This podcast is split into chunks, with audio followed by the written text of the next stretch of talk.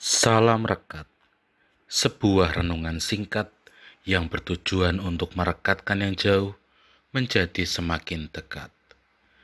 Rekat dari Jumat 22 April 2022 diberi judul Akibat dari Iri Hati. Rekat hari ini dilandasi firman Tuhan dari kisah para rasul pasal 5 ayat 17 sampai 26. Ayat Natsari ini diambil dari ayat 17. Akhirnya, mulailah imam besar dan pengikut-pengikutnya, yaitu orang-orang dari Masab Saduki, bertindak sebab mereka sangat iri hati. Demikianlah firman Tuhan. Bertrand Russell seorang filsuf yang pernah mengatakan bahwa ternyata iri hati itu merupakan salah satu penyebab utama ketidakbahagiaan yang terjadi dalam diri manusia. Sebab baginya orang yang iri hati itu tidak hanya menyebabkan ketidakbahagiaan bagi dirinya sendiri, tetapi orang itu akan mengupayakan segala cara supaya orang lain itu mendapatkan musibah, kemalangan, dan berbagai macam hal buruk terjadi pada orang lain.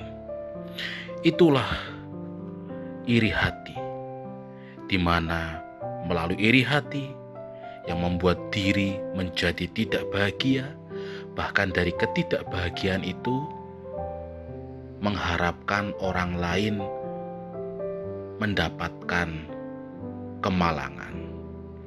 Setidaknya hal itulah yang dapat kita lihat dari imam besar dan pengikutnya yaitu dari golongan Saduki di mana mereka mulai menangkap rasul-rasul dan juga memasukkan rasul-rasul ke dalam penjara kota. Mengapa mereka menangkap rasul-rasul? Sebab mereka iri hati. Sehingga mereka melakukan segala cara termasuk menangkap para rasul. Namun Bapak Ibu dan Saudara yang terkasih di dalam Tuhan, Ternyata iri hati yang membuat mereka menghalalkan segala cara ternyata dapat gagal total. Ada dua hal yang membuat apa yang mereka upayakan yang dilandasi oleh iri hati itu gagal. Yang pertama adalah karena Allah turut bekerja bagi para pembawa berita Injil maka berbagai macam peralatan atau sarana penjara, yaitu penjara dan kuncinya, bahkan manusia atau pengawal secara lengkap sekalipun tidak mampu menahan dan mencegah di saat Allah melalui malaikatnya melepaskan para rasul. Yang kedua, sebab para rasul tetap memberitakan Injil dan bahkan mengajar orang banyak dengan penuh keberanian, dengan penuh ketaatan, dan juga kesetiaan kepada Allah. Sehingga ya, Bapak Ibu dan Saudara yang terkasih di dalam Tuhan, inilah yang membuat segala sesuatu yang diupayakan oleh orang-orang saduki yang dilandasi oleh iri hati semuanya akan gagal. Jika apa?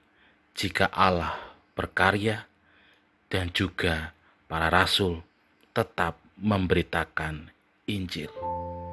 Jadi Bapak, Ibu, dan Saudara yang terkasih di dalam Tuhan, marilah kita menilik hati kita. Apakah tindakan yang kita lakukan itu berdasarkan dari hati yang tulus, atau justru kita melakukan segala sesuatu karena ada iri hati yang melatar belakanginya, sehingga kita melakukan berbagai macam cara supaya orang lain mendapatkan kemalangan.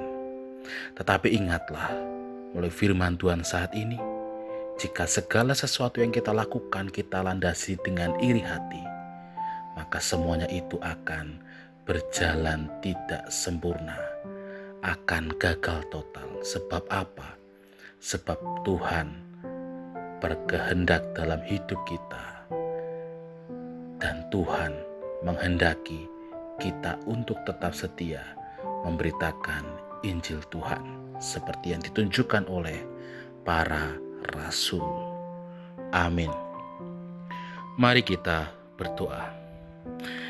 Bapa di surga, berbagai macam tantangan dan tekanan hidup memang akan menghadang kami di dalam kami memberitakan Injil Tuhan. Maka dari itu mampukan kami Tuhan untuk melakukan segala sesuatu dengan didasari hati yang tulus, bukan hati yang penuh dengan iri dan dengki. Amin. Saya Pendeta Samuel Prayogo dari GKJ Banyumanik Semarang menyapa saudara dengan salam rekat. Sebuah renungan singkat yang bertujuan untuk merekatkan yang jauh menjadi semakin dekat.